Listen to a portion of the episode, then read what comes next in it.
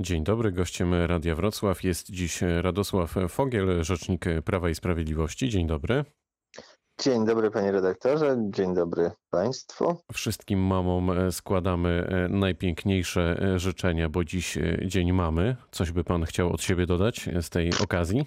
To prawda, to chyba jedno z ważniejszych świąt, tak jak zawsze mama jest jedną z ważniejszych osób w naszym życiu i każdemu, e, ka, ka, każdemu warto dzisiaj przypomnieć, żeby, żeby przypadkiem nie umknęło, że przynajmniej warto wykonać telefon z życzeniami. No pewnie jakiegoś chociaż kwiata wręczyć.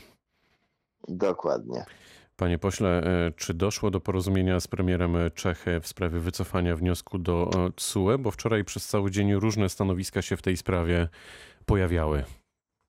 Mm, rzeczywiście wczoraj mieliśmy do czynienia z pewnym e, zamieszaniem, które być może wynikało z e, nie do końca e, dokładnego relacjonowania tych rozmów czy wydarzeń w Brukseli. Mm, sytuacja wygląda w tym momencie tak, z tego co mi wiadomo, że mamy wypracowaną umowę ramową, która ma być bazą do dalszego porozumienia dotyczącego E, kopalni w Turowie. E, to porozumienie ma określać e, inwestycje, działania dotyczące no, zabezpieczania całej kopalni oraz wód gruntowych i w momencie, w momencie podpisania tego już właściwego porozumienia Czechy miałyby wycofać swój wniosek z Trybunału Sprawiedliwości Unii Kiedy Europejskiej. może do tego dojść? Mam nadzieję, że jak najszybciej te zespoły y, negocjacyjne pracują w zasadzie bez y, przerwy. Y, zobaczymy, zobaczymy, jak szybko uda się to załatwić. Kiedy swoją drogą poznamy nazwisko nowego ambasadora Polski w pracy, bo może to by też pomogło prowadzić takie rozmowy? No z pewnością Ministerstwo Spraw Zagranicznych poszukuje najwłaściwszej osoby, która, która będzie dobrze tam się spełniała. No my jako Komisja Spraw Zagranicznych e, jeszcze nie, nie mieliśmy okazji porozmawiać z kandydatem. Myślę, że to też nie jest kwestia bardzo odległej przyszłości, ale akurat mówimy o kraju, z którym mamy bardzo dobre relacje, również dzięki tym, temu, że, że one takie są. Możemy mamy dobre relacje, panie typu... pośle. A jednak ten kraj, nasz południowy sąsiad, e, kieruje wniosek do, do TSUE. To tak brzmi trochę e, śmiesznie i strasznie zarazem. E, no, zdarzy nieporozumienia czy, czy konflikty interesów, bo to raczej chodzi o konflikt interesów, zdarzają się e, między najlepszymi przyjaciółmi. No to nie, nie, nie można równocześnie oczekiwać, żeby, e, żeby wszyscy realizowali, chociaż bardzo byśmy chcieli, no ale re, trzeba patrzeć na rzeczywistość realnie, żeby wszyscy realizowali wyłącznie polski interes. To my musimy o niego dbać przede wszystkim, ale te dobre relacje pozwalają na to, żeby w takich sytuacjach kryzysowych szybko dochodzić do e, porozumienia. Z Czechami jesteśmy na bieżąco w kontakcie w ramach e, Grupy Wyszehradzkiej. Regularne są wizyty ministrów spraw zagranicznych. Kilka naście tygodni temu był w Polsce minister spraw zagranicznych Czech, jeżeli e, dobrze pamiętam, więc, więc no tutaj, tutaj te relacje są rzeczywiście całkiem dobre, co nie zmienia faktu oczywiście, że od czasu do czasu no, taka jest polityka, również międzynarodowa, pojawiają się jakieś konflikty. No to e, zmieniamy temat. E, czy do obozu Zjednoczonej e, Prawicy dołączy nowe środowisko i będzie to środowisko Adama Bielana i Kamila Bortniczuka?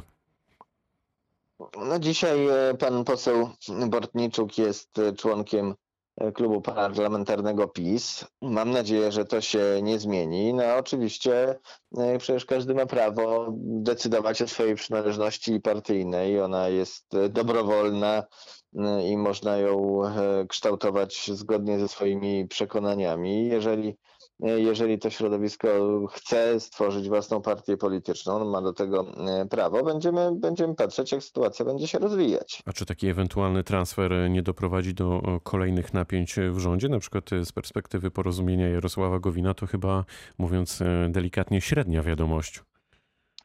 My staramy się e, jako Prawo i Sprawiedliwość trzymać się na dystans od e, tego konfliktu e, w porozumieniu. No, sytuacja wygląda tak, że wiele osób, które e, które z listy Jarosława Gowin, czy, czy, czy no, w ramach w ramach miejsc koalicyjnych dla porozumienia Jarosława Gowina startowało e, do Sejmu z list Prawa i Sprawiedliwości, no, jest dzisiaj w innym miejscu, bo z jednej strony no, Kamil Bortniczuk, no, no, wspomniany, ale też kilku innych posłów jest w konflikcie z Jarosławem Gowinem. Z drugiej strony mamy takie osoby jak na przykład e, pan e, poseł Sośnierz, który no, jest w porozumieniu, ale postanowił opuścić klub parlamentarny. Mamy profesora Maksymowicza, który był w porozumieniu i najpierw odszedł z klubu, a teraz, jak rozumiem, chce współpracować z Szymonem Hołownią. No, tak jak mówię, to... To wygląda na staramy się- nieporozumienie.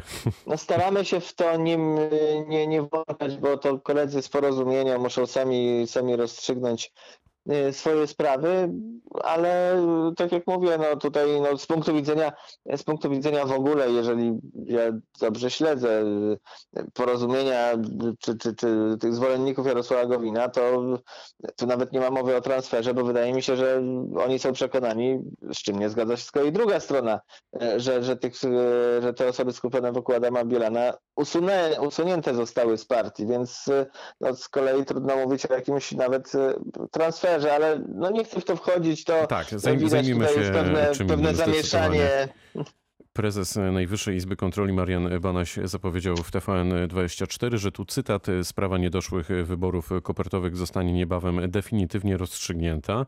NIK kieruje w związku z tym kolejne zawiadomienia do prokuratury o podejrzeniu popełnienia przestępstwa, innymi przez pana premiera Mateusza Morawieckiego. Czy rząd, panie pośle, nadal podtrzymuje opinię, że w sprawie tych wyborów, organizacji prawda i racja jest po waszej stronie? Oczywiście, tutaj, y, tutaj nic się nie zmieniło, bo tak samo nic nie zmieniło się e, poza tym, że cały ten proces został rozciągnięty przez szefa NIK w czasie. E, Najpierw, najpierw prezentacja raportu, e, później, później dopiero dalsze decyzje, do których ma prawo, ale my mamy prawo je również oceniać. Poza tym sytuacja się znacząco nie zmieniła. To zapytam Pierwszą inaczej. podstawową Za- Zapytam Mhm. inaczej, panie pośle. e, Czy NIK jest autorytetem dla rządu? Zadaniem NIK nie jest bycie autorytetem, zadaniem NIK jest wykonywanie swoich e, obowiązków. E, W tym wypadku jesteśmy na stanowisku, że kontrolerzy NIK pominęli bardzo istotne fakty, bardzo istotny wpływ sytuacji, która, e, która wówczas e, miała miejsce, bo pierwszą podstawową kwestią e, dobrze funkcjonującej, zdrowej demokracji jest to, że regularnie odbywają się wybory. W Polsce zgodnie z, z przepisami konstytucji jest jasno powiedziane, jaka jest, e, jaka jest kadencja prezydenta Rzeczypospolitej i władze państwowe mają obowiązek robić e, co w ich mocy, e, żeby e, tych postanowień po- konstytucji dochowywać. To jest pierwsza rzecz. A druga rzecz, e, procedury zostały wszystkie dochowane. Nie, nikt na przykład próbuje sugerować, że ktoś wyszedł poza swoje kompetencje. No bardzo przepraszam. E, Rolą rządu są działania wspierające, techniczne, e, które pozwalają, czy ułatwiają, czy umożliwiają organizację wyborów, ale wybory od samego początku e, zarządza marszałek Sejmu, organizuje Państwa Komisja Wyborcza i się tutaj nic e, nie zmieniło, a e, przecież to nie Państwa Komisja Wyborcza na przykład aktualizuje spisy wyborców, tylko robią to samorządy. Od, od od, od zawsze w zasadzie po, po 89 roku w Polsce jest tak, że, e, że, że oczywiście za organizację wyborów, za e, liczenie głosów e, odpowiada Państwowa Komisja Wyborcza, ale to nie jest instytucja, która ma oddziały w całej, w każdej gminie i która jest w stanie, jest w stanie sama bez pomocy innych instytucji państwa zorganizować wybory. Czy dalej będziecie w takim razie szukać pomysłu na to, jak odwołać Mariana Banasia? No tutaj w zasadzie mm, jest konstytucja, ta sama konstytucja, która wymagała e, działań e, zmierzających do organizacji wyborów. E, Konstytucja nie daje specjalnego, e, specjalnych możliwości. Toczą się postępowania, w których e, bohaterem jest e, pan prezes Banaś. Sytuacja jest e, niezręczna. No najlepiej by było, gdyby sam podjął decyzję o usunięciu się przynajmniej na czas, do czasu wyjaśnienia tych e, spraw. No i niestety, niestety z, z taką rzeczywistością mamy dzisiaj do czynienia.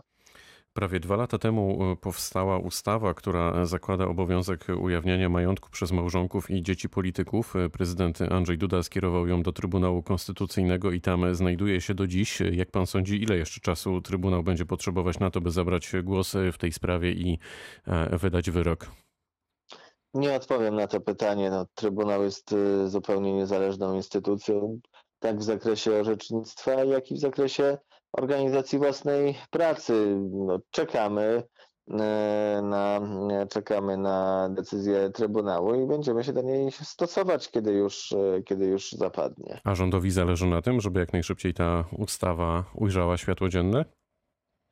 Rządowi na pewno e, zależy na tym, żeby wszystkie działania były e, możliwie e, transparentne i tak nawet bez ustawy funkcjonuje, no to, to oczywiście każda, każda sprawa, która jest skierowana czy to do Trybunału, czy do Sądu e, Powszechnego, powinna być, e, powinna być rozpatrywana, ale e, trudno mi powiedzieć, jakie są uwarunkowania wewnętrzne, więc e, też e, nie chcę jakoś e, zbyt, e, zbyt e, jednoznacznie czegokolwiek przesądzać. No to jedziemy dalej. E, Czy wiadomo już, e, kto zyska, a kto straci na Polskim Ładzie? Kto będzie mógł e, liczyć na wyższe pensje, a kto te pensje będzie mieć e, niższe? W globalnym rozrachunku zyskają wszyscy, bo e, Polski Ład e, No jest tego to jeszcze nie było. odbudowy. E, No, jest to możliwe, no jeżeli będzie, będzie rosła polska gospodarka, jeżeli będziemy mieli wzrost gospodarczy, jeżeli będą dzięki temu bogaciły się firmy, będą bogacili się pracownicy, wpływy do budżetu będą większe, więc będą bogaciły się również samorządy. Jest to realne, to jest po prostu kwestia rozwoju państwa e, i, i do, tego, do tego zmierzamy. Ale oczywiście e, ten, e, bo pyta pan redaktor zapewne o ten komponent dotyczący reformy podatkowej. Tak jest, o te E, widełki. Tutaj, tutaj faktycznie chcemy, e, chcemy pewną e, niesprawiedliwość i nielogiczność systemu e, dotychczasowego odwrócić, to znaczy e, sprawić, że ciut więcej e, dołożą się do wspólnej e, kiesy ci, którzy, którzy więcej zarabiają. Ale no myślę, że będą się dokładać e, nieco więcej, a nie proporcjonalnie więcej do, do, do tego, ilokrotnie więcej zarabiają.